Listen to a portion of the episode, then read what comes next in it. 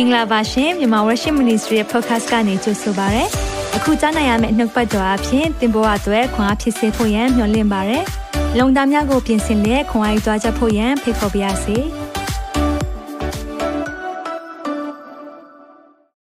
Good morning, good afternoon, good evening မလို့ရောက်စီတိုင်းကိုနှုတ်ဆက်တယ် Shalom ပါအားလုံးပဲညီသက်ချင်းဝမ်းမြောက်ခြင်း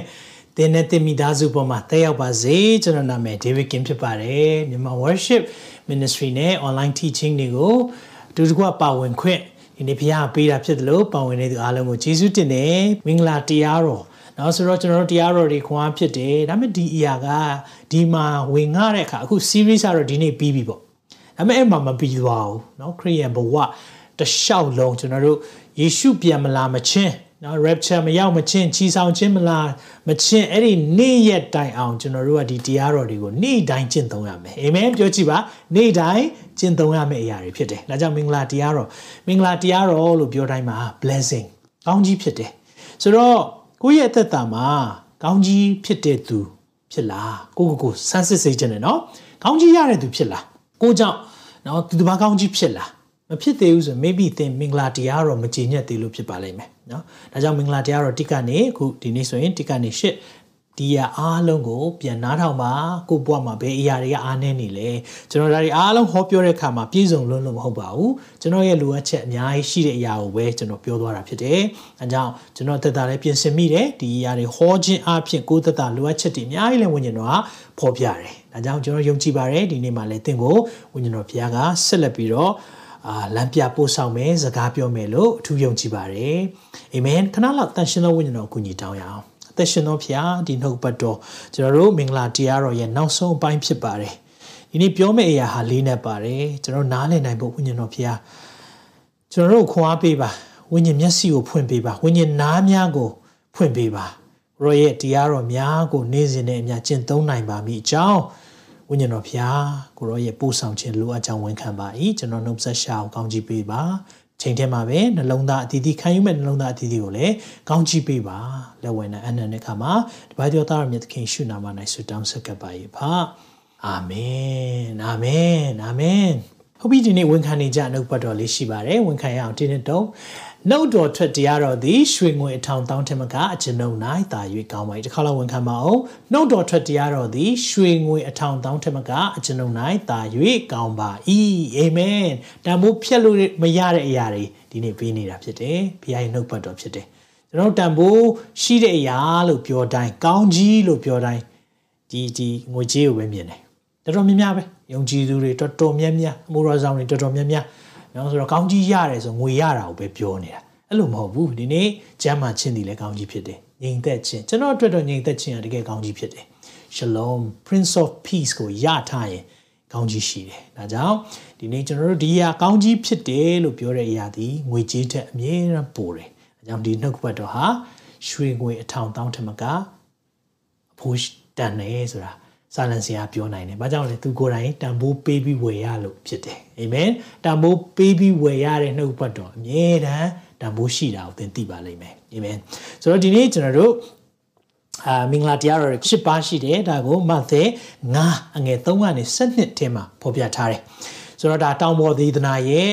ပထမတစ်ပိုင်းဖြစ်တယ်။တောင်ပေါ်သေဒနာကမဿဲ9ရဲ့မဿဲ6ရဲ့မဿဲ9ရဲ့ ဒီသုံးခုကိုတောင်းပေါ်သေဒနာလို့ခေါ်တယ်အဲ့ဒီထဲကမင်္ဂလာတရား၈ပါးကတော့ရှင်မသက်ခရစ်ဝင်ကျမ်းအခန်းကြီး9အငယ်3ကနေ7မှာဖော်ပြထားတယ်စိတ်လုံးနှိမ့်ချတဲ့သူမင်္ဂလာရှိတယ်စိတ်မသာညှိတွားတဲ့သူမင်္ဂလာရှိတယ်စိတ်နူးညံ့သိမ်မွေ့တဲ့သူမင်္ဂလာရှိတယ်ဖြောင့်မတ်ခြင်းပါရမီကိုစာငတ်ခင်မွန်းတဲ့သူမင်္ဂလာရှိတယ်တနာဆုံမတက်တဲ့သူမင်္ဂလာရှိတယ်စိတ်လုံးဖြူစင်သောသူမင်္ဂလာရှိတယ်သူတစ်ပါးခိုက်ရန်ပြုခြင်းကိုငြိမ်းစေတဲ့သူမင်္ဂလာရှိတယ်ဒီနေ့ပြောမယ့်အကြောင်းအရာသည်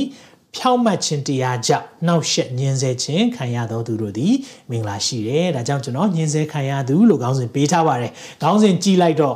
အာလက်မသွားပါနဲ့။ဘာကြောင့်လဲဆိုတာကိုဒီနေ့မှလည်းကျွန်တော်တို့ပြောပြမယ်။ဆိုတော့ညှင်းဆဲနှိပ်စက်ခြင်းဆိုတာတော့ဘယ်သူမှမကြိုက်ဘူးเนาะ။အော်ကျွန်တော်တို့ညှင်းဆဲနှိပ်စက်ခြင်းဆိုတဲ့အရာနဲ့ပတ်သက်ပြီးတော့လေလောကမှာအမြဲတမ်းတွေ့နေရတဲ့အရာဖြစ်တယ်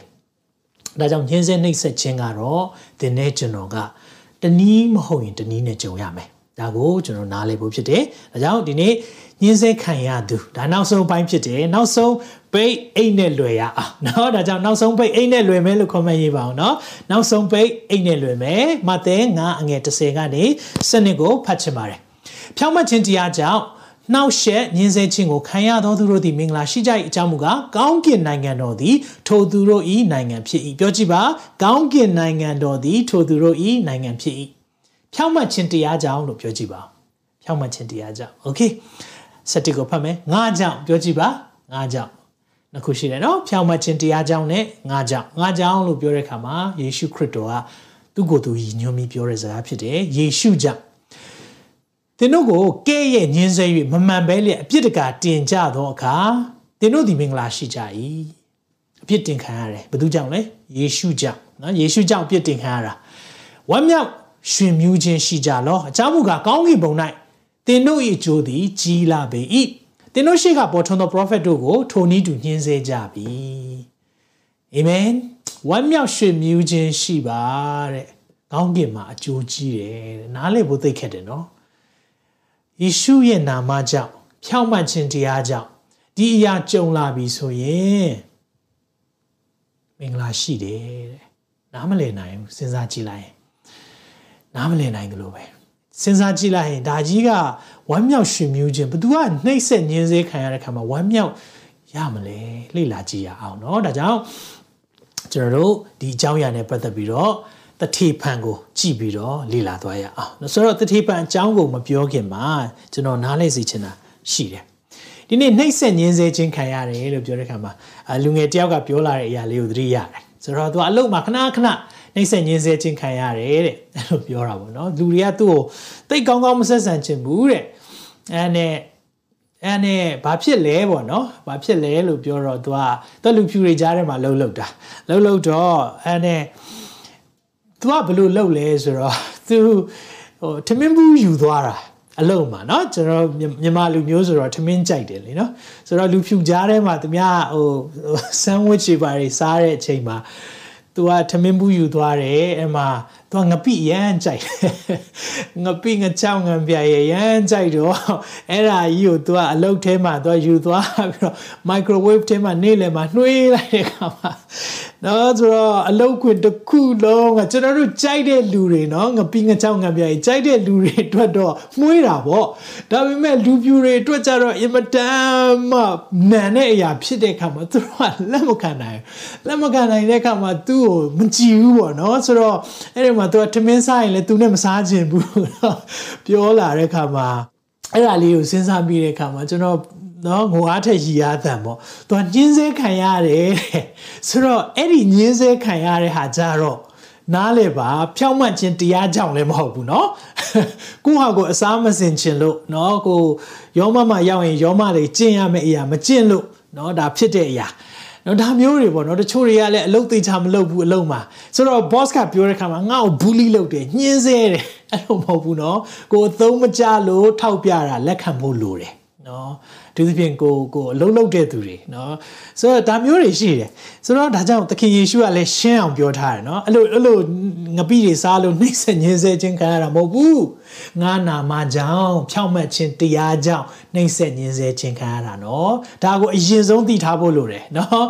အရင်ဆုံးသိထားဖို့လိုတယ်မယုံရင်နှိမ့်ဆက်ညင်းဆဲခြင်းခံခြင်းအလုတ်သွားပြီးတော့နော်အခုနိုင်ငံခြားမှာနေရလို့စမ်းကြည့်လိုက်ပါနော်အဲအဲ့လိုမျိုးငချောက်တွေပါတွေယူသွားပြီးတော့ microwave ထဲမှာနှွှေးလိုက်ရင်ဟာ အဲ့ဒီနေ့ကလူတိုင်းเนาะဆိုတော့ဆ iam မတော်တစ်ခါပြောမှုပါတယ်သူရင်တော့ပေါ့เนาะငချောက်ယူသွားပြီးနှွေးတဲ့ခါမှာသူစားတော့သူတငယ်ချင်းတွေကအဲ့ဒီ staff room ထဲမှာလာဒီထဲမှာပုတ်စော်ရပုတ်စော်နိုင်ရတယ်တဲ့ဆိုတော့အဲ့ဒါကိုနှိမ့်ဆက်ညှင်းဆဲခံရတယ်လို့မထင်ပါနဲ့เนาะဒါငါ right ရှိတယ်ငါစအဲ့ဒါပြောမဟုတ်ယေရှုပြောတဲ့အဲ့ဒီညှင်းဆဲခံရတဲ့သူကနှမျိုးရှိပါတယ်ဖြောင့်မတ်ခြင်းတရားကြောင့်ပြောပါအောင် ဖြောင့်မတ်ခြင်းတရားကြောင့်နောက်တစ်ခုကယေရှုခရစ်ကြောင့်ပြောပါအောင်ယေရှုခရစ်ကြောင့်เนาะဒါလေးကိုအရင်သားလိုက်လိုက်เนาะဒါဆိုရင်ဘာကြောင့်နှိမ့်ဆက်ညှင်းဆဲခြင်းခံရတာလဲဆိုတာသင်သိသွားလိမ့်မယ်เนาะအလုံးနောက်ကြလို့ boss ပြောတာအဲ့ဒါနှိမ့်ဆက်ညှင်းဆဲခြင်းခံရတာမဟုတ်ဘူးเนาะသင်နောက်ကြတာဒါဒါလူရဲ့အမှုကိုဆောင်ရွက်တဲ့ကဲ့သို့မဟုတ်သခင်ဖျားရဲ့အမှုကိုဆောင်ရွက်တဲ့ကဲ့သို့ပြုလေသမျှတို့၌စေနာစိမ့်နဲ့ပြုပါစေနာမပါဘူးအလုတ်လုတ်တယ်ပြောရင်မကြိုက်ဘူးအဲ့ဒါနှိမ့်ဆက်ညှင်းဆဲခြင်းခံရတာမဟုတ်ဘူးเนาะအဲ့ဒါအသုံးမကျတာလို့ခေါ်တယ် နော်ခရစ်တော်ရဲ့ဖြောက်မှတ်ခြင်းကိုယူတင်ဝတ်ဆောင်တာမဟုတ်တဲ့အတွက်ကြောင့်မလို့အလုတ်ရှင်ကပြောလာရင်ခံရတတ်တယ်ဒါနှိမ့်ဆက်ခြင်းစေတာလုံးဝမဟုတ်ဘူးဟာဆရာပြောတယ်အဲ့လိုမဟုတ်မနော်တချို့ကဖီးတွေတက်ပြီးဆရာဟောတာအယမ်းမှန်နေ no no no ဒီနေ့ပြောမှာကဖြောက်မှတ်ခြင်းတရားနဲ့ယေရှုခရစ်ကြောင့်ယဉ်စေခြင်းခံရတာနော်အဲကြောင့်ဒါလေးကိုအရင်ဆုံးကျွန်တော်တို့ရှင်းအောင်လုပ်ဖို့လိုတယ်အဲ့ဒါကြမှာကျွန်တော်တို့ဆက်လက်ပြီးတော့လေ့လာသွားရအောင်เนาะဆိုတော့ အဲ့ဒါလေးကိုကျွန်တော်သိဖို့လိုတယ်ဆိုတော့တတိဖန်အကြောင်းလေ့လာသွားမယ်ဆိုတော့ကျွန်တော်ကြီးတဲ့အခါမှာเนาะ prophet အများကြီးလေဒီတမန်ကျမ်းစာတွေက prophet တွေလည်းနှိမ့်ဆက်ညှင်းဆဲခြင်းခံရတယ်เนาะညှဉ်းပန်းခြင်းခံရတယ်ဒါကြောင့်မလို့သခင်ယေရှုကပြောတယ်မင်းတို့ရှေ့မှာเนาะပေါ်ထွန်းတဲ့သူတွေလည်းဖြောင့်မတ်ခြင်းတရားကြောင့်နှိမ့်ဆက်ခြင်းခံရတာ prophet တွေလည်းဒီလိုပဲလုပ်ခဲ့တာပဲတဲ့เนาะဒံယေလကြည့်မယ်ဆိုရင်ဖြောင့်မတ်ခြင်းတရားကြောင့်စုမတောင်းရဘူးဟုတ်လား အသက်ရှင်တဲ့ဖះကိုမကိုးကွယ်ရဘူးရုပ်တုပဲကိုးကွယ်မယ်ဒါမျိုးတွေဖြစ်လာတဲ့ခါမှာမမမမရက်တည်တဲ့သူတွေညှဉ်းပန်းနှိပ်စက်ခြင်းခံရတယ်နော်ခြင်းတွေတွင်တဲ့ချခံရတာနော်ရှာရက်မေရှက်ဘက်ဒနီကောမီးတဲ့ထဲခံရတာဒါမျိုးတွေကိုပြောတာနော်ဒါလေးကိုနားလည်လိုက်ပါနော်အကြောင်းမလို့ဖြောင့်မတ်ခြင်းတရားကြောင့်ဧဝံဂေလိဟောပြောလို့ဧဝံဂေလိတရားစကားဟောပြောလို့နော်ဒါမျိုးတွေဖြစ်ရမယ်နောက်ပြီးရင်ယေရှုခရစ်ရဲ့နာမကြောင့်ပဲဖြစ်ရမယ်နော်ကြံတဲ့အရာကြတော့အဲ့ဒါနှိမ့်ဆက်ညင်းစေခြင်းမဟုတ်ဘူးသင်လိုအပ်ချက်ဖြစ်တယ် ငါဒါလေးကိုအရင်ဆုံးနားလဲဒါဆိုတထေပံကဘာတူလဲနှုတ်ဘတ်တော်ထဲမှာကျွန်တော်ဖော်ပြထားတဲ့အရာလေးရှိတယ်တမန်တော်6နဲ့9ထဲမှာသူ့အကြောင်းကိုပြောထားတယ်ဆိုတော့တမန်တော်6ထဲမှာဗာပြောထားလဲဆိုတော့လူ9ယောက်ရွေးချယ်တဲ့အကြောင်းဆိုတော့ဘာကြောင့်ရွေးချယ်လဲအငယ်တစ်ကနေဖတ်ချင်ပါတယ်ထိုကာလ၌ဒီဘဲတော်တို့သည်များပြားသည်ရှိသောနေ့ရက်အစဉ်တိုင်းလှုပ်ကြွေးသောအခါဟေလေနစ်အမျိုးမုဆုမတို့ကိုမလုတ်မကြွေးဟုထိုမျိုးသားတို့သည်ညီတန်း၍ဟေပြဲလူတို့ကိုအပြစ်တင်ကြ၏ ဆိုတော့အဲ့ဒီမှာတို့ကဘာဖြစ်လာလဲဆိုတော့တပည့်တော်တွေဒီချိန်မှာအများကြီးတိုးပွားလာတယ်တမန်တော်တွေရဲ့အမှုဆောင်ခြင်းတွေကြောင့်เนาะခရစ်တော်ကိုလက်ခံလာကြတဲ့သူတွေအများကြီးရှိတဲ့ခါမှာအသင်းတော်တိုးပွားတယ်เนาะအသင်းတော်ဖြစ်လာပြီတမန်တော်နှစ်မှာအသင်းတော်ဖြစ်နေပြီဆိုတော့တမန်တော်3 4 5 6 6ရောက်လာတဲ့ခါမှာလှုပ်ကြွေးခြင်းတွေเนาะအသင်းတော်ထဲမှာရှိတဲ့သူတွေကိုအစားတောက်တွေပြင်ဆင်ပေးတဲ့အရာတွေမုတ်ဆိုးမတွေကိုကျွေးမွေးတဲ့အရာတွေဖြစ်လာတဲ့ခါမှာအငယ်နှစ်မှာထိုခါတကြိတ်နှစ်ပါးသောတမန်တော်တို့သည်တပည့်တော်အပေါင်းတို့ကိုခေါ်ပြီးလင် ငါတို့သည်ဘုရားသခင်နှုတ်ကပတ်တော်တရားတော်တိတ်နှုတ်ကပတ်တရားတော်ကိုထား၍ဇပွဲ၌လှုပ်ကြွေးခြင်းအမှုကိုမဆောင်သင့်ဒါလေးကိုအရင်ဆုံးနားလည်စေချင်တယ်တမန်တော်၁၂ပါးဒီအစားအသောက်ကိစ္စတွေနဲ့ပဲသူတို့အချိန်ကုန်နေတဲ့အခါမှာနှုတ်ကပတ်တော်ဟောပြောဖို့နဲ့ပြင်ဆင်ဖို့အချိန်မရှိတော့နော်ဒါကိုပြောချင်တာနော်တချို့ကဒီနှုတ်ပတ်တော်ကင်ပြီးတော့ဟဲငါ့ကိုငါပါစာနော်အလုပ်လာမခိုင်းနဲ့အဲ့လိုပြောတာမဟုတ်ဘူး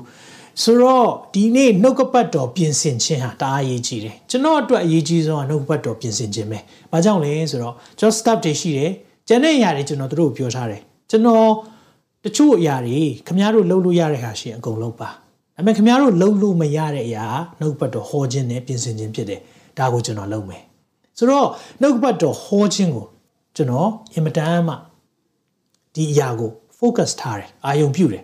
ဆိုတော့ကျွန်တော်အမေရိကမှာဆရာကြီးတယောက်နဲ့တွေ့တယ်သူ့အသင်းတော်ကအဲတော်တော်ကြီးတယ်နော်အကြီးဆုံးအသင်းတော်တွေထဲကတစ်ခုဖြစ်တယ်လူထောင်ကနန်းရှိတယ်ဆိုတော့သူကအရန်ပင်ပန်းပြီးတော့ချိန်လုံးဟို wear out ဖြစ်နေတာဆိုတော့သူ့ကိုကျွန်တော်ကြည့်တဲ့အခါမှာ तू က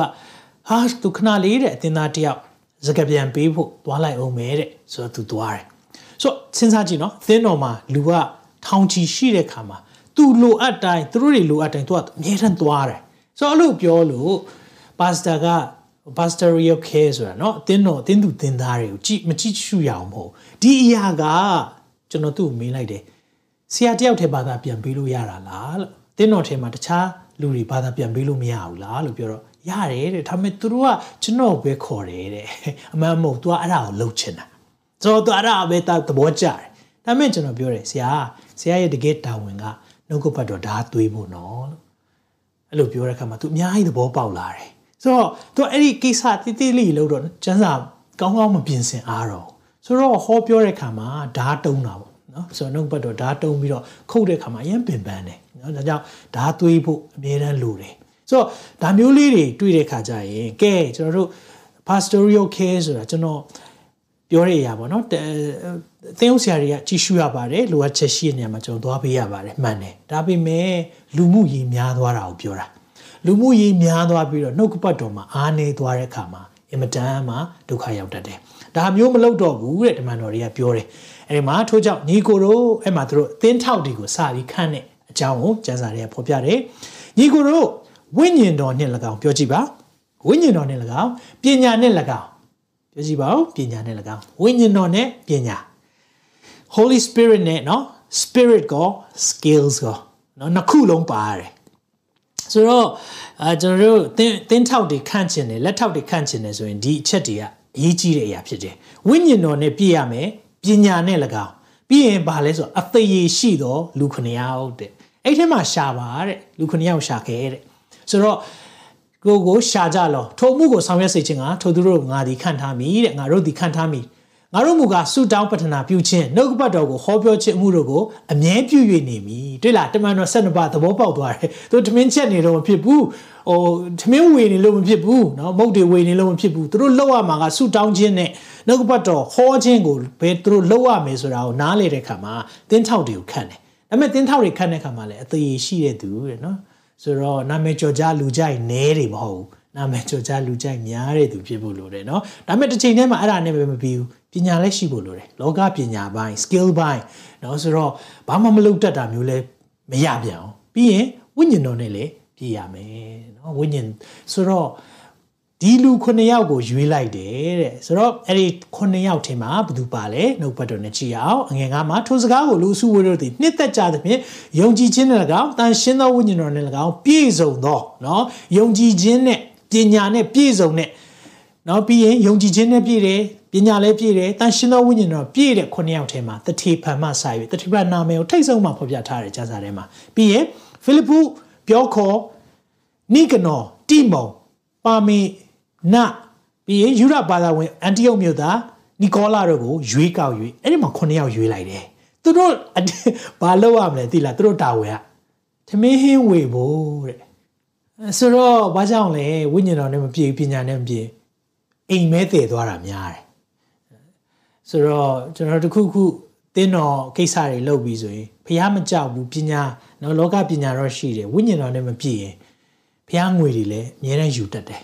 ပြင်ဖျားလုပ်ငန်းတွေလည်းအများတန်းသူတို့ကကိုကျိုးအတွက်သုံးတတ်တယ်။ဒါကြောင့်မလို့တမန်တော်တွေကဒီမှာကျွန်တော်တို့ကိုရှင်းရှင်းလေးချပြထားတာဒီလိုလူမျိုးတွေရွေးရမယ်တမန်တော်ရှိမှထားကြိုက်ဆူတောင်းပေးတယ်လက်တင်ပေးတယ်အမှဘုရားသခင်သာသနာတော်တိုးပွားတယ်အမှတိုးပွားလာတာအဲဒီမှာအလွန်များပြား၍ယစ်ပရောဟိတ်အပေါင်းတို့သည်ယုံကြည်ခြင်းတရားကိုနားထောင်ကြ၏သူတို့ပဲမဟုတ်တော့ဘဲနဲ့ယစ်ပရောဟိတ်အပေါင်းနဲ့နော်ဆိုတော့ဂျူးပါတာဝင်ယစ်ပရောဟိတ်တွေ priest တွေကအစနားထောင်လာတယ် ဒါကြောင့်เนาะတတိဖန်မသူလဲလို့ပြောရင်ဝိညာဉ်တော်နဲ့ပြည့်တယ်သူပညာလည်းရှိတယ်ယုံကြည်ခြင်းလည်းပြည့်တယ်ပြီးရင်ဂုဏ်သရေလည်းရှိတယ် good reputation ဂုဏ်သရေလည်းရှိတယ်ဒီလိုလူဖြစ်ပြီးတော့เนาะအဲ့ဒီ9ယောက်เนาะအဲ့ဒီ9ယောက်ကနောက်ဆုံးပါလောက်တာလေအစားတော့ဝေတာတနည်းအားဖြင့်လုပ်ငန်းလုပ်တာ mission เนาะလုပ်တော့မယ်ဆိုရင်ဒီလိုလူမျိုးတွေဖြစ်ဖို့လိုတယ်ဒါပေမဲ့တစ်ခါလေမှအဲ့လိုလူမျိုးတွေသိရှာရခက်ပါတယ် ဆူတောင်းဖို့လိုတယ်သင်တော်တွေမှာလူမရှိလို့ခံလိုက်ရတာများတယ်ဒါကြောင့်မလို့တခါလေပညာနဲ့တော့ပြည့်တယ်ဒါပေမဲ့ဝိညာဉ်တော်နဲ့မပြည့်ပြန်ဘူးတခါလေကြာရင်တော့နော်ဝိညာဉ်တော်နဲ့ပြည့်တယ်ဒါပေမဲ့လောကပညာနဲ့ skill ဘိုင်းမှာအားနည်းပြန်ရောဆိုတော့အဲ့ဒါမျိုးကို balance လုပ်ပြီးပဲတွဲခေါ်နေရတယ်နော်ဒါမျိုးရှိတယ်ပြီးရင်အကုန်တော့လုတ်တတ်ပါတယ်ဒါပေမဲ့ good reputation မရှိကြအောင်တချို့ဆိုဖုန်းဆက်လာဆရာကြီးတယောက်တတိထားနော်စသဖြင့် ဒါမျိုးတွေသတိပေးမှုတွေတောင်ဖြစ်လာတဲ့အရာတွေရှိတတ်တယ်။အကြောင်းကျွန်တော်တို့တွေလူရွေးတဲ့ခါမှာလေအရန်သတိထားဖို့လိုတယ်။ဆိုတော့ဒီသတိပန်ဒီအဖွဲ့တွေထဲမှာပါတယ်နော်။ဆိုတော့သတိပန်အကြောင်းကိုနည်းနည်းလေးသဘောပေါက်သွားပြီ။ဆိုတော့သတိပန်ဘာဆက်လုပ်တယ်လဲကျွန်တော်ကြည့်ရအောင်နော်။အဲ့ဒီမှာကျွန်တော်ဒီနေ့မှာပြောမယ့်အရာကဖြောင့်မတ်ခြင်းတရားနဲ့ခရစ်တော်ကြောင့်နှောက်ယှက်ညှင်းဆဲခြင်းခံရတဲ့အခါမှာလှုပ်ဆောင်ရမယ့်အရာ၃ခုရှိတယ်။နော်ဆိုတော့ အဲ့ဒီအရာလေး၃ခုကိုတထေဖန်ရဲ့အသက်တာမှာတွေ့ရတယ်။ဒါကြောင့်တတိပံကိုကျွန်တော်တို့သာရကထားရအောင်။နှိမ့်ဆက်ညှင်းဆဲခြင်းမခံရအောင်မဟုတ်နော်ခံကိုခံရမယ်။ယုံကြည်သူများခရစ်တော်ကြောင့်နဲ့ဖြောင့်မတ်ခြင်းတရားဟောပြီးဆိုရင်တော့ညှဉ်းပန်းနှိမ့်ဆက်ခြင်းနော် online cyber bullying ဆိုတာ online ကနေ bully လုပ်တာနော်ဆိုတော့လူမတွေ့ရဘူးဝေဖန်နေတာနော်အကောင့်အတုတွေနဲ့ဆဲနေတာစသဖြင့်ဒါတွေအားလုံးဟာလည်း နှိပ်ဆက်ညင်းစေခြင်းနှောက်ယှက်ညင်းစေခြင်းတွေမှာပါတယ်အဲ့လိုမျိုးကြုံလာရတယ်ဆိုရင်ဘာလုပ်မလဲဖြောင့်မတ်ခြင်းတရားနဲ့နော်ခရစ်တော်ကြောင့်ညင်းစေခံရရင်တတိပံလှုပ်သွားတဲ့အရာလေး၃ခုတွေ့တယ်အဲ့ဒါလေးကိုကျွန်တော်တို့လေ့လာရအောင်နံပါတ်1 live by the power of the holy spirit တန်ရှင်သောဝိညာဉ်တော်တကူနဲ့အသက်ရှင်ပါ amen တန်ရှင်သောဝိညာဉ်တော်ရဲ့တကူနဲ့အသက်ရှင်ပါဒီတန်ရှင်သောဝိညာဉ်တော်ရဲ့လမ်းပြခြင်းမပါရင်ကျွန်တော်တို့ စဉ်းစားနိုင်တဲ့အရာဒီလောကပညာနဲ့သွားလို့မရဘူး။ဒါကြောင့်ကျွန်တော်တို့ကျွမ်းကျင်မှုနဲ့မသွားနဲ့ကျွမ်းဝင်မှုနဲ့သွားပါလို့ပြောပါအောင်။ကျွမ်းကျင်မှုနဲ့မသွားနဲ့ကျွမ်းဝင်မှုနဲ့သွား။ဒါကြောင့်ကျွမ်းကျင်တဲ့ skill ပိုင်းပြည့်စုံလို့မရဘူး။ကျွမ်းဝင်မှုဖျားနဲ့ယဉ်ဤကျွမ်းဝင်ခြင်းဝိညာဉ်တော်နဲ့မိသားရဖွဲ့ခြင်းနဲ့သွားလာဖို့လိုတယ်။ဒါကြောင့်တတိဖန်ကိုသူတို့နော်ဘာလုပ်ကြလဲ။နော် တတိဖန်ကိုတတိဖန်နဲ့ပတ်သက်ပြီးတော့ညင်းဆဲခြင်းနဲ့လာပြီးတိုက်ခိုက်ခြင်းနဲ့အဲ့ဒီမှာတမန်တော်6ထဲမှာဆက်တွေ့ရတယ်တတိဖန်ကိုဖန်ဆီးခြင်းနဲ့နော်ဆိုတော့အငယ်ရှစ်မှာတတိဖန်ဒီဂျေဇုတော်နဲ့၎င်းတကိုးတော်နဲ့၎င်းပြည့်စုံသဖြင့်နော်သူ့ရဲ့သူ့အထဲမှာရှိတဲ့အရာတွေပို့ပို့ပေါ်လာတယ်နော်ဆိုတော့ယုံကြည်ခြင်းလည်းပြည့်တယ်တဲ့ပညာလည်းပြည့်တယ်တဲ့တန်ရှင်းသောဝိညာဉ်တော်လည်းပြည့်တယ်ဒီမှာဆိုရင်တော့ဂျေဇုတော်နဲ့လည်းပြည့်တယ်တဲ့တကူတော်တွေနဲ့လည်းပြည့်တယ်တဲ့ကြီးစွာသောနမိတ်လက္ခဏာအံ့ဖွယ်သောအမှုတို့ကိုလူများရှေ့မှာပြုတယ်တဲ့ ဒါလေးကျွန်တော်ကြည့်တဲ့အခါမှာလေဘာသွားတွေ့လေသိလားဝိညာဉ်တော်နဲ့ပြည့်တဲ့သူဟာအစေခံတယ်ဟာလေလုယာဝိညာဉ်တော်နဲ့တကယ်ပြည့်သလားအစေခံခြင်းမှာပေါ်တယ်ဝိညာဉ်တော်နဲ့တကယ်မပြည့်ဘူးဆိုဘာဖြစ်လဲဆိုငါငါတို့ငါတို့က superior ဆိုတာနော်ဝိညာဉ်ထဲမှာအရင်မြင့်သွားတာတချို့ကြုံဘူးတယ်တအားမြင့်သွားတဲ့ခါမှာဟိုပါစတာတောင်သူ့ကိုကြောက်နေရတယ်အဲ့လိုဖြစ်သွားတယ်မဟုတ်ဘူးနော်တကယ်တန်ရှင်သောဝိညာဉ်တော်နဲ့ပြည့်နေတဲ့သူကြတော့ အစေခံတယ်ဘာလို့တာလဲထမင်းဝေတာဝိညာဉ်တော်နဲ့ပြည့်တဲ့လူထမင်းဝေတဲ့ကအိမ်မသေးသွားတော့ဘူးပေးခြင်းနဲ့စိတ်ဖြစ်လာတယ်ကုညီခြင်းနဲ့စိတ်ဖြစ်လာတယ်ဒါကြောင့်ကျွန်တော်တို့ဖះနဲ့ကျွမ်းဝင်လာတဲ့အခါမှာဝိညာဉ်တော်နဲ့တကယ်ပြည့်ဝလာတဲ့အခါမှာအစေခံခြင်းနဲ့နော် leaders ကို leaders man သိတယ်ဒါနားလည်ဖို့လိုတယ်နော်ကျွန်တော်ကျောင်းပေါ်မှာလည်းအများကြီးကြုံရတယ် နော်ကျုပ်ဝိညာဉ်တော်နဲ့ပြည့်တယ်စသဖြင့်နော်တချို့ကြားတဲ့အခါမှာတချို့ကဘာလာပြောလဲဆိုတော့ကျမရဲ့အခြားသောဘာသာစကားသူများနဲ့တော့မတူဘူးတဲ့ဆရာတဲ့သူတို့တွေကဒီလိုလေးပဲတဲ့ကျမအခြားသောဘာသာစကားဒီလိုလိုလိုလိုလာပြောတယ်ဆိုတော့ဟဲ့ပြီးကြတော့အေး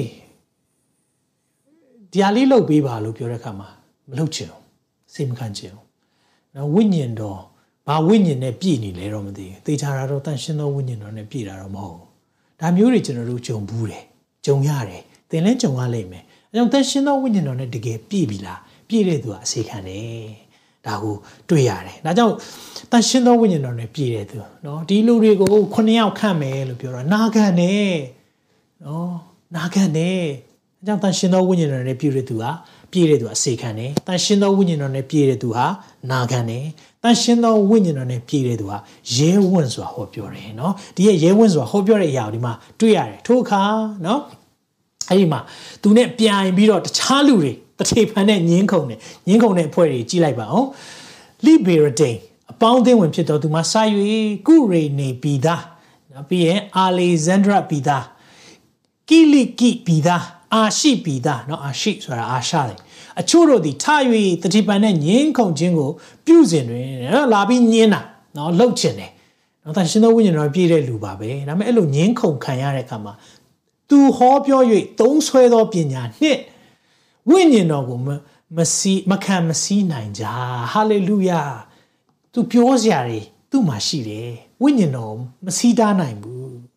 တွေ့လား အကြောင်းကျွန်တော်တို့သူဟောပြောတဲ့ပညာသုံးဆွဲတဲ့ပညာဆိုတာနော်လောကမှာလိုအပ်ပါတယ်ဒီလိုပြောတဲ့ပညာတွေပြောတတ်တဲ့ပညာတွေနော်လောကရဲ့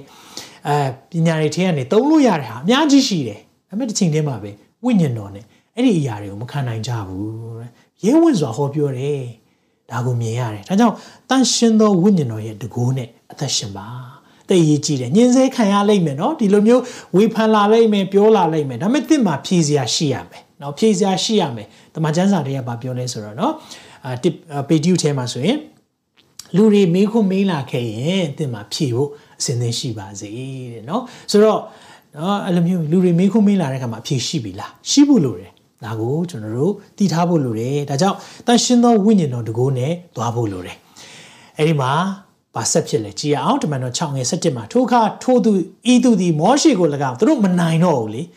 နော်တန်ရှင်သောဝိညာဉ်တော်ရဲ့တကိုးရောနော်သူသုံးတဲ့ပညာတွေမနိုင်တော့ဘူးသူသုံးတဲ့ပညာလို့ပြောတဲ့အခါမှာမော်ပညာတွေပြောတာမဟုတ်ဘူးနော်ဘုရားပေးတဲ့ wisdom နော်သူရဲ့ ability ပြောဆိုတတ်တဲ့အရာတွေဒါတွေအကွက်ကြကြသွားတဲ့အရာတွေမနိုင်တော့သူတို့ဘာလုပ်ပြီလဲအဲ့ဒီမှာမဖြောင့်မတ်တဲ့သူတွေဒါဘာလုပ်လိမ့်ရှိလဲဆိုရင်ထို့သူဒီမောရှိကို၎င်းဖျားသခင်ကို၎င်းလွန်ကြီးပြောတယ်ငါတို့ကြားပါပြီဟုတက်သေးခံမဲ့သူတို့ကိုတိတ်ဆိတ်စွာခေါ်၍ထားကြပြီလေအုပ်စုဖွဲ့ပြီ နော်အမြဲတမ်းလုပ်တယ်ဝိညာဉ်တော်ရဲ့နဲ့သွားလာတဲ့သူတွေရဲ့တစ်ဖက်မှာအမြဲတမ်းနော်ဒီလိုအဖွဲ့တွေကရှိတတ်တယ်။အိုးအုပ်စုဖွဲ့ပြီးတော့ဆွဆွဲရအောင်ဒီလိုပြောတာငါကြားတယ်လူများကို၎င်းကြီးကဲချမ်းပြူစရာတို့ကို၎င်းနှိုးဆော်၍တစ်ဖက်ထန်လိုက်ဖန်စီလွတ်တော်ပို့တယ်။ဖမ်းပြီးအမှမမှန်သောတက်တွေတို့ကိုခေါ်၍ဤသူသည်တန်ရှင်းသောအယက်ဌာနတော့ပြည့်ညက်တရားတို့ကိုလွန်ကျူး၍အစင်မပြတ်ပြောဆိုလည်းနေပါ၏။လောက်ကြံပြီ ဘလို့ပြောရင်ကောင်းမလဲလောက်ကြံပြီးပြောတဲ့အခါမှာဘာတွေ့ရလဲအဲ့ဒီမှာနာဇရက်မြို့သားယေရှုသည်ဤရဲ့ဌာနတော်ကိုဖျက်ဆီး၍ငါတို့ဟာမောရှေပေးရသောထုံးနီးဥပဒေကိုပြောင်းလဲစေမည်ဤသူသည်ဆိုသည်ကိုကျွန်ုပ်ကြားပါ၏မောရှေရဲ့လောကိုဖျက်တာနာဇရက်မြို့သားယေရှုကဒီဌာနဆိုဗိမာန်တော်ဗိမာန်တော်ကိုဖြိုချမယ်လို့ပြောတဲ့အရာတွေဒါကြားတယ်တဲ့ဒါမျိုးတွေ ကြားတယ်လို့ပြောတဲ့ခါမှာလွတ်တော်၌ထိုင်လဲရှိတော်သူအပေါင်းတို့သည်ဆိုတော့လွတ်တော်မှာထိုင်တဲ့အသက်ကြီးတဲ့လူတွေတတိပံကိုစိတ်စိတ်ကြည့်ရှိရင်သူ၏မျက်နှာသည်ကောင်းကင်တမန်မျက်နှာကဲ့သို့ဖြစ်သည်ဟုထင်မှတ်ကြ၏လင်းနာဒီမောရှေရဲ့လောကိုဖြစ်တယ်လို့သူတို့ပြောတာသူတို့မသိလိုက်တာတခုရှိတယ်နော်သခင်ယေဒီမောရှေလဲဖျားနဲ့နဖူးတွေတူတွေတွေ့တဲ့ခါမှာသူ့မျက်နှာလင်းတယ်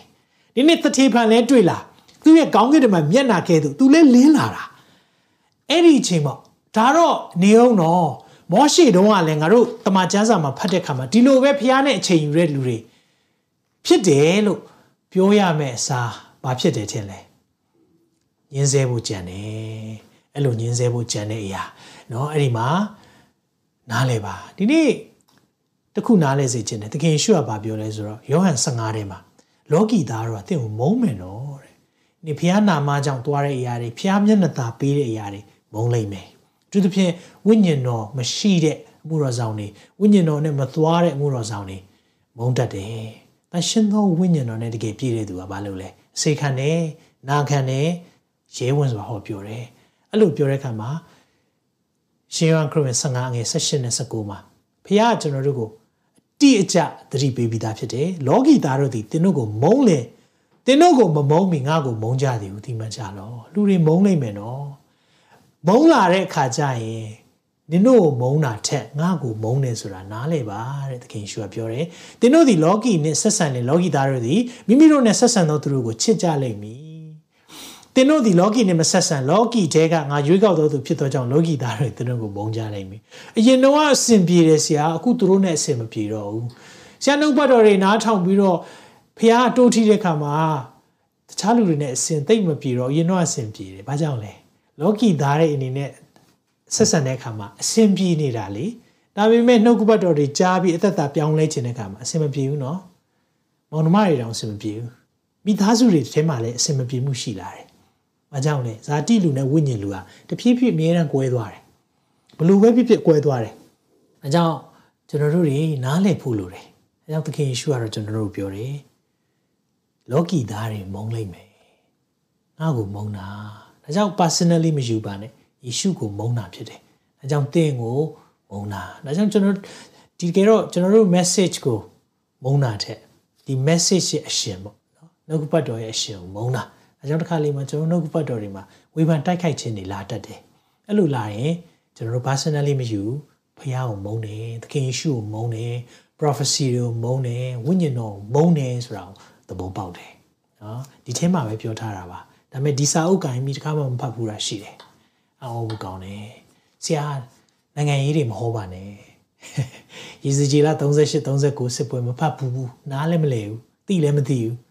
နာဂတိကြံပါဖြစ်မလဲတခင်ရဲ့နှုတ်ပတ်တော်ထဲမှာဗာပြောထားလဲနားမလဲဘူးနိုင်ငံရေးပြောတယ်မုန်းတာဘာကြောင့်မုန်းတာလဲသခင်ယေရှုကိုမသိလို့သခင်ယေရှုကိုမုန်းတာဒါကြောင့်ကျွန်တော်တို့နှုတ်ပတ်တော်တွေနော်ဝင်ကားတဲ့အချိန်မှာအ မြဲတမ်းတန်ရှင်းသောဝိညာဉ်တော်ရဲ့ဆောင်မခြင်းကိုလိုအပ်တယ်။တန်ရှင်းသောဝိညာဉ်တော်ရဲ့တကူနဲ့သွားဖို့လိုတယ်။အာမင်။အဲကြောင့်သခင်ကကျွန်တော်တို့ကိုသတိပေးထားတယ်။တတိပံကဒီလိုကြုံလာတဲ့အခါမှာဖခင်ရဲ့ဂတိတော်တခုလည်းရှိတယ်။အဲ့ဒါဘာလဲဆိုတော့ the Lord will give you strength ခန္ဓာရည်ခွန်အားသခင်ပေးလိမ့်မယ်သင်တိုက်ခိုက်ခံရတဲ့အခါမှာညှင်းဆဲခံရတဲ့အခါမှာတခုနားလဲလိုက်ပါ ဖခင်ကခွန်အားပေးလိုက်မယ်အာမင်ပြောကြည့်ပါအောင်ခန္ဓာရည်ခွန်အားသခင်ပေးလိုက်မယ်အာမင်ခန္ဓာရည်ခွန်အားလိုက်မှတ်ပါနော်ခန္ဓာရည်ခွန်အားသခင်ပေးလိုက်မယ်ဒီနေ့ကျွန်တော်တို့ခန္ဓာရည်ခွန်အားရှိဖို့ဖခင်ပေးလိုက်မယ်ဘာဆက်ဖြစ်လဲဒီယေဇလံမှာနော်ရှင်လုကာ7နှစ်အငယ်7နဲ့7နှစ်မှာသခင်ကကျွန်တော်တို့ကိုကြိုးတင်သတိပေးတာအရာသင်တို့ကိုတရားစည်းရတို့၎င်း အကဲမှုမင်းများရှိတို့၎င်းပို့ဆောင်ကြတော့ကအဘယ်သို့ပြန်ပြောရမည်ကိုမစိုးရင်ကြနဲ့ကျွန်တော်တို့ကိုတရက်မှာဒီလိုမျိုးစစ်ဆေးလာတဲ့ခါမှာဆွဆွဲလာတဲ့ခါမှာဘလို့ပြန်ပြောရမလဲမစိုးရိမ်ပါနဲ့တဲ့အကြောင်းမူကားထိုခဏချင်းတွင်အဘယ်သို့ပြောရမည်ကိုတန်ရှင်းသောဝိညာဉ်တော်သည်အကြံပေးမည်ဟုမိန်တော်မူဟာလေလုယာဝိညာဉ်တော်ဘုရားကကျွန်တော်တို့ကိုဘာပြောရမလဲဆိုတာကိုသင်ပေးလိုက်မယ်တဲ့ နော်တတိဖန်ဒီအရာကိုသူကောင်းကောင်းကြားဘူးပါလိမ့်မယ်နော်ဒီမှာရှင်လုကာတော့ပြောတဲ့အချိန်မှာနော်ဒါတပည့်တော်တွေကိုပဲပြောခဲ့တာဆိုတော့အဲ့ဒီအရာလေးတွေကတတိဖန်ကလည်းကြုံလာရပြီကြုံလာရတဲ့ခါမှာ တမန်တော်ခုနှစ်ကိုဖတ်ကြည့်စေခြင်းတယ်နော်တမန်တော်ခုနှစ်မှာတတိပံတရားဟောတဲ့အရာဘလို့ပြန်ပြောရမလဲအရာဒီရဲ့ Israel အကြောင်းနော်ဖခင်ကရွေးကောက်ထားတဲ့သူတွေဖြစ်တယ်မေရှိယမွေးဖို့ဂတိပေးထားတဲ့အဲ့ဒီမေရှိယကိုမင်းတို့လက်မခံတာဆိုတာတိတိကျကျလေးပြောပလိုက်တယ်အဲ့လိုပြောလိုက်တော့ဘာဖြစ်သွားလဲဆိုတော့တမန်တော်ခုနှစ်အငယ်54မှာနော်53ထိတိကနေ53ထိကိုလေ့လာကြည့်ရင်ဒီတရားဟောချက်တွေတွေ့ရတယ်တတိပံရဲ့ sermon ပေါ့ ထိုစကားကိုကြားလျင်တဲ့ဆိုတော့တတိပံပြောတဲ့အရာမခံနိုင်ဘူးနှုတ်ကပတ်တော်ကြားတဲ့အခါမှာနှလုံးကွဲပြက်မတက်ဖြစ်၍တတိပံ၌အန်သွားခဲကြိတ်ခြင်းကိုပြုကြလေ၏တဲ့နော်ဆိုတော့ဘုရားနှုတ်ကပတ်တော်ကြားရင်ဘလို့နှလုံးကွဲတာလဲတဲ့နော်ဒီနှလုံးကွဲတာကြာနောင်တဖြစ်တာမဟုတ်ဘူးတတ်ချင်တာအန်သွားတွေခဲကြိတ်လာတာသူဒီလဲတန်ရှင်သောဝိညာဉ်တော်နဲ့ပြည့်သဖြင့်ကောင်းကင်သို့စစ်စစ်ကြည့်ဘုရားသခင်ကိုဘုန်းတော်ဘုရားသခင်ဤဘုန်းတော်ကို၎င်းဘုရားသခင်လက်ရဖ၌ယေရှုရက်နေသူ၎င်းမြင်လေ သူ့ကိုဘုရားကအဲ့ဒီမှာဝိညာဉ်တော်အားဖြင့်ဖွင့်ပြတဲ့အရာလဲရှိပြန်တယ်ရှိတဲ့အခါမှာ तू ကဘုရားဘုန်းတော်လည်းမြင်တယ်သခင်ယေရှုရက်နေတာကိုမြင်တယ်အဲ့လိုရက်နေတဲ့အရာမြင်တော့ तू ကပြောလိုက်သေးတယ်ကြည်ပါကောင်းကင်ဖွင့်လက်ဒီကိုကောင်လူသားသည်ဘုရားသခင်လက်ရတော့ဖနဲ့ရက်နေအဲ့ဒါသခင်ယေရှုကိုပြောတာဖြစ်တယ်နော်လူသားဆိုတော့အဲ့ဒီလူသားလို့ပြောလိုက်တိုင်းခရစ်တော်ကလူမဟုတ်ဘူးလားမဟုတ်ဘူးဒံယေလခွန်အငယ်9ကနေ14မှာဖတ်ကြည့်ရင်လူသားဟာဘာလဲဆိုတာကို ပြောပြထားတယ်နော်ဆိုတော့ဖျားသခင်လဲရမှာရက်တင်ကငါမြင်တယ်လို့ပြောလဲပြောလိုက်ရောထို့သူတို့တွေပြင်းစွာသောအတန်နဲ့ဟစ်ကြော်၍နာကိုပိတ်ဆို့လျက်တဲ့တွေ့လားမကြားခြင်းဘူးတကယ်တမ်းကျတော့လေအဲ့ဒါဘာသာရေးသမားတွေဘာသာရေးသမားတွေတကယ်သခင်ယေရှုအကြောင်းနဲ့ဘုရားဘုန်းတကိုးနဲ့သခင်ယေရှုရဲ့ဘုန်းတော်အကြောင်းတွေပြောရင်မကြားခြင်းဘူးဝိညာဉ်တော်အကြောင်းတွေပြောရင်မကြားခြင်းဘူးအာနားတွေပိတ်ပြီးတော့ ပြေးလာတယ်တဲ့ကြည့်ရောပြင်ပသို့နင်းထုတ်ပြီးဂဲနဲ့ပေါက်ကြတယ်နော်အဲ့မှာဂဲနဲ့စပေါက်တာအော်ဘူးကောင်းတယ်တတိဖန်နော်ဆိုတော့ညှိစစ်ညင်းစေခြင်းဆိုတာဒီမှာအသက်တောင်မှဆုံးရှုံးရတဲ့အဖြစ်အဲ့ဒီမှာထူးခြားချက်လေးရှိတယ်သက်သေခံတို့ဒီလေမိမိတို့အဝတ်ကိုရှောလူအမိရှိသောလူလင်ခြေရင်၌ထားကြ၏ရှောလူရဲ့ခြေရင်မှာအဲ့ဒီလူလင်ဆိုအဲ့လူငယ်လေးတယောက်ရဲ့ခြေရင်မှာထားဆိုသူသူတို့တို့အာအာကျိုးမှန်တတ်နဲ့ဂဲတွေနဲ့ပေါက်ကြတယ်ဆိုတော့ သူတို့အဝတ်တွေကိုကြည်ပေးမဲ့တယောက်လိုတယ်ရှောလူဆိုတဲ့တရားကကြည်တယ်ကြောက်ခင်းနဲ့ပြစ်ကြစဉ်တရိပန်သည်ပထနာပြုလက်သခင်ယေရှုကျွန်ုပ်၏ဝိညာဉ်ကိုသိမ်းယူတော်မူပါဟုရှောက်ဆို၏ဒီရဲ့ဆုတောင်းတန်ကသခင်ယေရှုရဲ့ကားတိုင်းပေါ်မှာဆုတောင်းတန်နဲ့အရန်တူတယ်နော်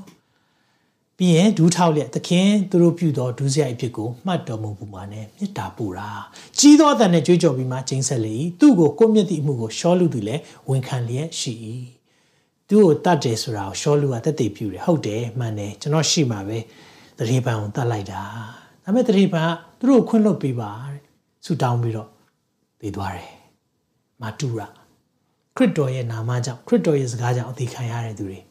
ဒီလိုကြုံလာတယ်အဲ့လိုကြုံလာတဲ့ခါမှာဝိညာဉ်တော်နဲ့သွားဖို့လိုတယ်နံပါတ်1ကခံနိုင်ရင်ဖခင်ကစကားဘလို့စကားပြောရမလဲဆိုတာကိုစကလုံးပြီးမယ်ဒီမှာဆိုလဲ तू ဘလို့ပြောရမလဲဆိုတာ အဲ့ဒီအချိန်ချာမှာပေါ်လာတာခါလီကျွန်တော်တို့စဉ်းစားမိတတ်ပါလိမ့်မယ်ကျွန်တော်အဲ့လိုကြုံလာရင်ငါတို့ဘလို့သွားနိုင်မလဲသင်တန်ရှင်သောဝိညာဉ်တော်နဲ့မိသားရဖွဲ့ရသူဖြစ်ရင်ဖခင်အဲ့ဒီအချိန်မှာစကားပေးပါလိမ့်မယ်ကျွန်တော်လည်းစဉ်းစားမိတယ်အကယ်၍ခရစ်တော်နာမကြောင့်ဒီလိုမျိုးကိုယ့်ရဲ့အသက်အန္တရာယ်ထိခိုက်လာတဲ့အထိလှုပ်လာမယ်ဆိုရင်ငါဘယ်လိုတုံ့ပြန်မလဲစဉ်းစားမိတဲ့အခါမှာဝိညာဉ်တော်ဘုရားဒီနှုတ်ပတ်တော်လူကာ7နဲ့7နဲ့ဘဘာစကားပြောရမလဲဆိုတော့အဲ့ဒီချိန်ကြရင်ပေးလိုက်မယ်အဲ ကြောင့်မပူနဲ့မိတ်ဆွေအဲကြောင့်ဖခင်ကကျွန်တော်တို့ကိုဆောင်မလိုက်မယ်သခင်ကကျွန်တော်တို့ခံနိုင်ရည်အခွင့်ပေးလိုက်မယ်ခံနိုင်ရည်အခွင့်ရတဲ့အခါမှာ तू ကကိုတော့သူတို့ပြုတဲ့အပြစ်တွေအတွက်မှတ်ပြီးခွင့်လွတ်ပါပေါ့နော်မမှတ်ပါနဲ့ဒါတွေလုပ်တဲ့အတွက်အဲ့ဒီအချိန်မှာကျွန်တော်ခုနပြောတယ်ရှောလူကလည်းရှိနေတယ်အဲ့ဒီရှောလူကဘာတူလဲပြီးကြရင်ကျွန်တော်ဒါကိုဆက်ပြီးတော့လေ့လာသွားရအောင်နံပါတ်3ချက် your reward in your reward is great in heaven ကောင်းကင်ဘုံ၌အကျိုးကြီးတယ်ဒီနှုတ်ပတ်တော်စပြီးဖတ်တဲ့အခါမှာဒီလိုမျိုးလူတွေနှိမ့်ဆက်ညင်းဆဲလာတဲ့အခါမှာငါကြောင့်ရဲ့ဖြောင်းမှတ်ခြင်းတရားကြောင့်ဧဝံဂေလိတရားတဲ့စကားတွေခရစ်တော်ကြောင့်ဖြစ်လာရင်အကျိုးကြီးတယ်နော်တဲ့ကောင်းကင်ပါဝမ်းမြောက်ပါတဲ့ဘာကြောင့်လဲဆိုတော့ကြည်ရအောင်အဲ့မှာဘာတွေ့ရလဲယောမာဩရာဇာစနစ်အငယ်ဆက်လေးသင်တို့ကိုညှင်းဆဲသောသူတို့အဖို့မေတ္တာပို့ကြလော့ညှင်းဆဲခြင်းကိုမပြုမေတ္တာပို့ခြင်းကိုသာပြုကြလော့ မိတ်ဆွေဒီမှာလေတခုတွေ့လာအရင်စိတ်ဝင်စားဖို့ကောင်းတဲ့အချက်ခုနကျွန်တော်ဖတ်တဲ့အခါမှာတထေဖန်ကိုခဲနဲ့ပေါက်တတ်တဲ့အချိန်မှာဘာလို့ရှိလဲရှောလူအဲ့ဒီရှောလူကတခြားလူမဟုတ်ဘူး the greatest apostle the greatest christian alive လို့ပြောတဲ့တမန်တော်ကြီးရှင်ပေါလုဖြစ်နေတာတမန်တော်ရှင်ပေါလု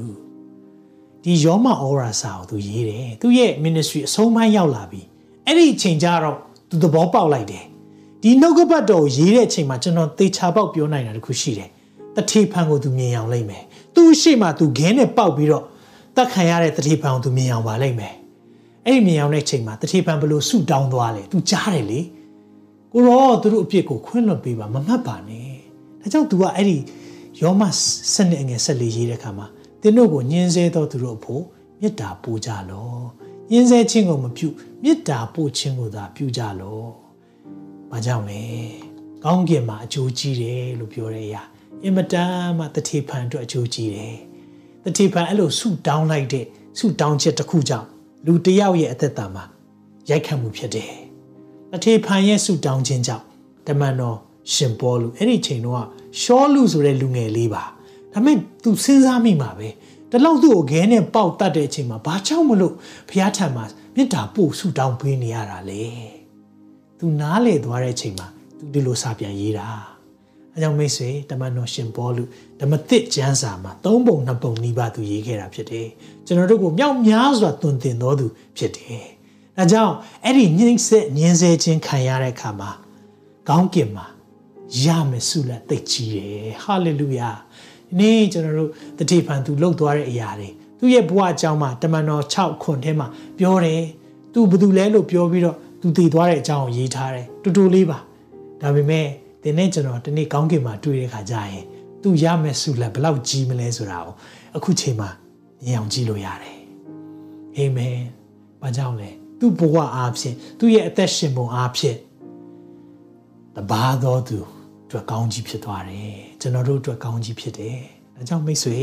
ဒီနေ့နှိမ့်ဆက်ညင်းစေခြင်းခံရတဲ့အခါမှာနော်စဉ်းစားကြည့်ရင်မတရားလိုက်တာမှန်ပါတယ်မတရားဘူးသူတို့ဖះကတော့အပြစ်နဲ့အလျောက်စီရင်ပေးမယ်စီရင်ပေးမှာပဲစီရင်ပေးမှာပဲတရက်မှာစီရင်ပေးလိုက်မယ်အဲ့ဒီရဲ့ဖြည့်ရှင်းချက်ကိုတတိဖန်မကြားရပါဘူးအဲ့ဒီရဲ့ဖះရဲ့တရားစီရင်ချက်ကို तू မကြားရပါဘူးရှောလူကနေပေါ်လူဖြစ်လာမယ်ဆိုတာလည်း तू မသိပါဘူးဒါပေမဲ့ तू သိတာတခုရှိတယ် ဝိညာဉ်တော်နဲ့ပြေးွားတဲ့အခါမှာသူဟာဝိညာဉ်တော်နဲ့အသက်ရှင်တယ်။နာခံတယ်အစေခံတယ်ရဲဝင့်စွာဟောပြောတယ်ခန္ဓာရင်ခွန်အားဖရာသူ့ကိုပေးတယ်။ပေးတဲ့အခါမှာသူဟာကောင်းကင်ဘုံမှာအကျိုးကြီးတယ်ဆိုတဲ့အရာကိုသူနားလည်သွားတယ်။မိတ်ဆွေဒီနေ့ကျွန်တော်ကိုဒီနေ့တတိပံရဲ့ဘဝကိုကြည့်တဲ့အခါမှာကျွန်တော်နှိမ့်ဆက်ညင်းဆဲခြင်းခံရရင်ကျွန်တော်ဘယ်လိုလုပ်မလဲ။သိခက်ပါတယ်နော်။ဒီနေ့ဒီမင်္ဂလာတရားရဲ့နောက်ဆုံးပိုင်းမှာ အင်မတန်မှ challenging ဖြစ်တယ်။ရေနောက်ကဘက်တော့ကျွန်တော်တို့စိန်ခေါ်မှုအများကြီးဖြစ်တယ်။ဒါမဲ့တခုသေးကြတာဝိညာဉ်တော်ကျွန်တော်တို့ကိုမဆမယ်။ခန္ဓာရင်ခွန်အားသခင်ပေးလိုက်မယ်ဆိုတာကိုကျွန်တော်မှအဲ့ဒီရဲ့ဂတိတော့ရလိုက်တယ်။တစ်ချိန်တည်းမှာပဲကောင်းကင်ဘုံမှာရမယ်ဆုလက်ကြီးတယ်။အကြောင်းဒီနှုတ်ဘက်တော်ထဲမှာဗာပြောလဲကျွန်တော်တစ်ချက်ကြည့်အောင်။မာသင်ကအငယ်30မှာဖြောက်မှတ်ခြင်းတရားကြောင့်အာ နော်ဖခင်ရဲ့ဧဝံဂေလိတရားစကားဖြစ်တယ်အသက်ရှင်တဲ့ဖခင်ကိုကိုးကွယ်ခြင်းကိုပြောတာဖြစ်တယ်နောက်ဆက်ညင်းဆဲခြင်းခံရသောသူသည်မင်္ဂလာရှိကြအကြောင်းမူကားကောင်းကင်နိုင်ငံတော်သည်ထိုသူတို့၏နိုင်ငံဖြစ်၏ငါကြောင့်အဲ့ဒါယေရှုခရစ်တော်ကြောင့်ဖြစ်တယ်သင်တို့ကိုကဲ့ရဲ့ညင်းဆဲ၍မမှန်ပဲလေအပြစ်တကတင်ကြတော့ကသူတို့သည်သင်တို့သည်မင်္ဂလာရှိကြ၏ဝမ်းမြောက်ရွှင်မြူးခြင်းရှိကြတော့အကြောင်းမူကားကောင်းကင်ဘုံ၌သင်တို့၏အကျိုးသည်ကြီးလာပေ၏ ဟာလေလုယာဖခင်ရဲ့အကျိုးကျေးဇူးသိကြီးတယ်ဆိုတဲ့အရာကိုတွေ့ရတယ်ဒီအရာလေးဖတ်ပြီးကျွန်တော်ဆုံးသက်ခြင်းနဲ့ကောလောသဲဩဝါစာခန်းကြီး3မှာပြောလဲဆိုတော့အထက်ဆိုခဲ့ပြီးသည့်အတိုင်းနော်သင်တို့သည်ခရစ်တော်နှင့်အတူထမြောက်ကြသည်မှန်လေဖခင်သခင်၏လက်ရတော်ဖက်မှာခရစ်တော်သည် ထိုင်တော်မူရာအရက်ရှိသောအထက်အရာကိုရှာကြလောအထက်အရာကိုရှာကြလောလို့ပြောကြည့်ပါအထက်အရာကိုရှာကြလောဘုရားကျွန်တော်တို့ကိုဒီနေ့ ရမယ်ဆုလတ်ကအထက်အရာဖြစ်တယ်မေးလာကြပါတယ်ဆရာဟိုနေ့က prophecy update မှာဘာ stock တွေဝယ်ထားရမလဲမပြောသွားဘူးဆရာတဲ့ကျွန်တော်လည်းအဲ့နေ့တော့မေ့သွားတာပါအဲကြောင့်မလို့ဒီနေ့မှာဘာ stock ဝယ်ထားရမလဲစိတ်ဝင်စားတဲ့သူတွေကိုပြောပြချင်တယ်တန်ကြီးပိုးရွမဖြက်စီးနိုင်တဲ့အထက်အရာကိုရှာပါတရားမှတရားအကျိုးရှိမဲ့အရာထာဝရကာလဆိုဘယ်တော့မှမပြီးဆုံးမဲ့ကာလအထိ သင်ရဲ့ယဉ်နီးမြုံနှံခြင်းဟာအကျိုးရှိမဲ့အရာဖြစ်တယ်အဲ့ဒါအထက်အရာဘာ stock ွယ်ပါသင်စင်ရဲသားကိုတနာပြီးပေးတဲ့အရာထာဝရဘုရားကိုချီးငားတယ်သူပြုသောအကျိုးကိုပြန်ဆက်ပေးမယ်ဖခင်ဂရိပေးထားတာနော်ဒီဘုရားနိုင်ငံတော်နဲ့ဖြောက်မှတ်ခြင်းကိုပါဝင်တဲ့အရာတွေပေးကမ်းတဲ့အရာတွေဘုရားရှင်အထူးကောင်းကြီးပေးပါစေအဲ့ဒီ stock share လောက်ကောင်းတဲ့ဆုလတ်တစ်ခါမှမတွေ့ဘူးသေးဘူး ရှိလည်းမရှိဘူးတန်ကြီးပိုးရလုံးဝဖြတ်လို့မရအောင်အမြဲတမ်းတည်မဲ့အရာ hallelujah ဒါကြောင့်ကောင်းဆုံး stock ကိုဝယ်ခြင်းနဲ့ဆိုရင်ဒီချိန်မှာကောင်းကင်ဘန္နာစုပါလို့ကောင်းကင်ဘန္နာစုပါအာမင်အထက်အရာကိုရှာကြပါအာမင်ကျောင်းမူကအငယ်နှစ်ကိုပါပါမယ်မြေကြီးပေါ်မှာရှိသောအရာတို့ကိုဆွဲလန်းသောစိတ်မရှိကြနဲ့ မြေကြီးပေါ်မှာရှိတဲ့အရာမဆွဲလန်းပါနဲ့အထက်အရာကိုသာဆွဲလန်းခြင်းရှိကြလောအကြောင်းမူကားသင်တို့သည်တည်သောသူဖြစ်၍သင်တို့အသက်သည်ခရစ်တော်နှင့်အတူဘုရားသခင်၌ဝတ်ထားလျက်ရှိ၏သင်တို့အသက်တည်ဟူသောခရစ်တော်သည်ထင်ရှားသောအခါသင်တို့သည်ထိုသခင်နှင့်အတူဘုန်းကြီး၍ထင်ရှားကြလက်တံဟာလေလုယာဘုန်းကြီးပြီးထင်ရှားဘုရားကကျွန်တော်တို့ကိုပြောတဲ့အရာဂတိပေးတဲ့အရာတွေကလေဘယ်တော့မှဒီရဲ့လောကအရာကိုမပြောဘူးအထက်အရာပဲပြောတယ်မြေကြီးဘန္နာ မဆွဲလန်းနဲ့နော်မြေကြီးဘန္နာမဆွဲလန်းနဲ့နော်ဒါပဲကျွန်တော်တို့ကိုပြောတယ်အဲ့လိုပြောဆရာ stock ဘာဝယ်ရမလဲအချိန်လုံးမေးတယ်ဘာလို့စစ်ဖြစ်ပြီဆိုတော့ဆရာပြောတယ်လေကျွန်တော်အဲ့နေ့ကပြောဖို့မေ့သွားလို့ဒီနေ့ပြောပါမယ်မြေကြီးအရာမဆွဲလန်းပါနဲ့အထက်အရာကိုသာဆွဲလန်းပါကောင်းကင်ဘန္နာကိုစုဆောင်ပါရှားဖွေပါမိဘမဲမုတ်ဆိုးမတွေကိုကျွေးမွေးပါဘုရားရဲ့လူတွေအမှုတော်မြတ်ထဲမှာတကယ်သွားနေတဲ့ဆရာဆရာမတွေပံ့ပိုးပါ ပြီးရင်စည်ရင်သားတွေကိုသနာပါဒီအရာတွေလုပ်မယ်ဆိုရင်တော့သင်ဟာဒီနေ့ဒီနေ့မှာဆုလက်ကြီးကြီးမားမားခံစားရမယ်သူဖြစ်တယ်အာမင်အာမင်အဲ့ကြရင်ကျွန်တော်တို့ဆုလက်အတူတကွယူရအောင်ဟာလေလုယာကျွန်တော်တို့လှုပ်ဆောင်နိုင်မှုတခုပဲမဟုတ်ဘူးမိတ်ဆွေရဲ့ပေးကမ်းတဲ့အရာတွေပါဝင်တဲ့အရာတွေဆုတောင်းပေးတဲ့အရာနောက်ကိုယ်ကလှုပ်ပေးနေတဲ့အရာတွေလူမသိရင်တော့သခင်သိတယ်ဟာလေလုယာဝန်ခံပါအောင်လူမသိရင်တော့သခင်သိတယ်လို့အာမင်အကြောင်းဒီနေ့ သင်ယေရှုနာမကြောင့်ဖြောင့်မတ်ခြင်းတရားကြောင့်နှောက်ရှက်ညှင်းဆဲခြင်းခံရရင်မင်္ဂလာရှိတော်သူဖြစ်တယ်သင်တရက်မှာကောင်းကြီးအကြီးမမကောင်းကြီးသင်အတွက်ဆောင်ကြုံနေတယ်အာမင်တရှင်တော်ဖခင်နာမတော်ကိုချီးမွမ်းပါ၏ဒီနေ့နှုတ်ပတ်တော်အတွက်ယေရှုတင်တယ်ကိုရောနာမကြောင့်နှောက်ယှက်ညှင်းဆဲခြင်းခံရတဲ့သူများရှိပါတယ်။ဖြောင့်မတ်ခြင်းတရားကြောင့် နှောက်ယှက်ညှင်းဆဲခြင်းခံရတဲ့သူအားလုံးကိုကိုရောဂရိပေးထားတဲ့အတိုင်းပဲမင်္ဂလာရှိတော်သူများဖြစ်သလိုတရက်မှာကျွန်တော်တို့ရမယ်ဆုလက်ဟာကြီးမားတဲ့ကြီးစွာသောအကျိုးကြီးမားတဲ့ဆုလက်တွေကောင်းကင်မှာစောင့်ကြုံနေလို့ယေရှုတင်တယ်။ဒါကြောင့်ကိုရောကိုရောနာမကြောင့်ကျွန်တော်ညှင်းဆဲခံနေရတဲ့သူများကိုကိုရောခွန်အားပေးပါ။ဝိညာဉ်တော်ဖျားဘလို့စကားပြောရမလဲဆိုတာကိုဒီနေ့ကျွန်တော်တို့ကိုနှုတ်ထဲမှာကျွန်တော်တို့ကိုစကလုံးထည့်ပေးပါအချိန်ထဲမှာပဲကိုတော့ကျွန်တော်အထက်အရာ ကြီးမားကြောင်းကျွန်တော်တို့ရဲ့ရမဲ့ဆုလက်တွေကြီးမားကြောင်းကိုလည်းဝိညာဉ်တော်ဘုရားကျွန်တော်တို့ကိုနေ့ရက်စဉ်တိုင်းနားလဲစေပါအဲကြောင့်ကိုတော့စိတ်တကြနေတဲ့သူများစိတ်ပြက်နေတဲ့သူများခရစ်တော်နာမကြောင့်နှိမ့်ဆက်ညင်းဆဲခံနေရတဲ့ကျွန်တော်တို့ရဲ့ညီကိုမောင်နှမတွေအားလုံးအတွက်လည်းဒီနေရာကနေဆုတောင်းပေးပါတယ်။ရောနိုင်ငံအသီးသီးမှာဒေတာအသီးသီးမှာကျွန်တော်တို့ဘာသာစကားမတူတဲ့သူအချင်းချင်း ဖြစ်ပေမဲ့ကိုရောကျွန်တော်တို့ဒီခရစ်တော်၌ညီကိုများဖြစ်တဲ့အတွက်အခုလိုမျိုးနှိမ့်ဆက်ညှင်းဆဲခြင်းခံနေရတဲ့ persecuted Christian များနဲ့ minister များအတွက်ဆုတောင်းပေးပါတယ်ကိုရောသူတို့ပေါ်မှာကိုရောရဲ့မာစာခြင်းနဲ့ခွန်အားပေးခြင်းရှိစေပါယုံကြည်ခြင်းမှာမယိုင်မလဲသွားပဲနဲ့သူတို့ရမယ့်ဆုလက်သည်ကြီးမားကြောင်းကိုရောနားလဲစေပါယေရှုတော်ကိုချီးမွမ်းပါတယ်လူတော်ဒီကောင်းကင်ဘုံမှာပြည့်စုံခဲ့သူမြေကြီးဘုံမှာပြည့်စုံပါစေ မြတ်တော်မူတဲ့သခင်ရှုနာမ၌စက္ကန့်နဲ့ဆုတောင်းကြပါ၏အာမင်အာမင်ကြီးမြတ်တဲ့ဖခင်ကိုလက်ခုပ်တီးကုန်ပြရအောင်အာမင်ဖခင်ရဲ့ကယ်တင်ခြင်းကိုကျွန်တော်တို့တွေ ချီးမွမ်းရအောင် hallelujah hallelujah worthy is the lamb လို့ဝန်ခံပါအောင် titan လှသိုးတငယ် titan လှသိုးတငယ် titan လှသိုးတငယ် titan ချင်းအားလုံးသခင်ယေရှုအားပဲပေးပါတယ်နော်အာမင်ကျွန်တော်ကောင်းချီးပေးခြင်းနဲ့ဆုံးသက်သွားမယ်ထာဝရဘုရားသည်သင်ကိုကောင်းချီးပေး၍ဆောင်မတော်မူပါစေသောထာဝရဘုရားသည်သင်၌မျက်နာတော်အလင်းကိုလွှတ်၍ဂိယူနာဂျေဇုပြုတော်မူပါစေသောထာဝရဘုရားသည်သင်ကိုမျှော်ကြည့်၍ချမ်းသာပေးတော်မူပါစေသောအာမင်ဖခင်ညီသက်ခြင်းများပျော်ရွှင်ခြင်းများနဲ့စိတ်ချမ်းသာခြင်းများသင်နဲ့သင်မိသားစုပေါ်မှာတက်ရောက်ပါစေသခင်ရှုနာမ၌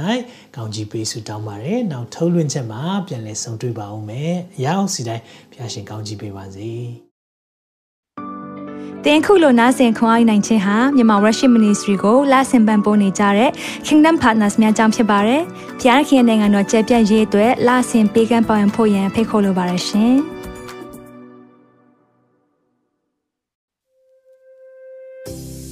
ခုကြားနာခဲ့ရတဲ့နှုတ်ပတ်တော်အဖြစ်ခွန်အားရရှိမဲ့လို့ယုံကြည်မျှော်လင့်ပါတယ်။ခွန်အားရဆိုလို့ရှိရင်ဒီတစ်ပတ်နဲ့ပြန်လည်ဝင်မြပေးဖို့ရန်တောင်းဆိုပါရစေ။ Myanmar Worship Ministry ရဲ့ website myanmarworship.com ကိုလည်းလာရောက်လေ့လာဖို့ရန်တွဲဖိတ်ခေါ်ချင်ပါတယ်။တချိန်ထဲမှာ Myanmar Worship Ministry ရဲ့ social media platform များဖြစ်တဲ့ Myanmar Worship YouTube Channel, Myanmar Worship Facebook Page နဲ့ Myanmar Worship Instagram များကိုလည်းလာရောက်လေ့လာဖို့ရန်တွဲဖိတ်ခေါ်ချင်ပါတယ်။နောက်တစ်ချိန်မှာပြန်လည်ဆုံတွေ့ကြပါစို့။ဖျားရှင်ကောင်းကြီးပေးပါစေ။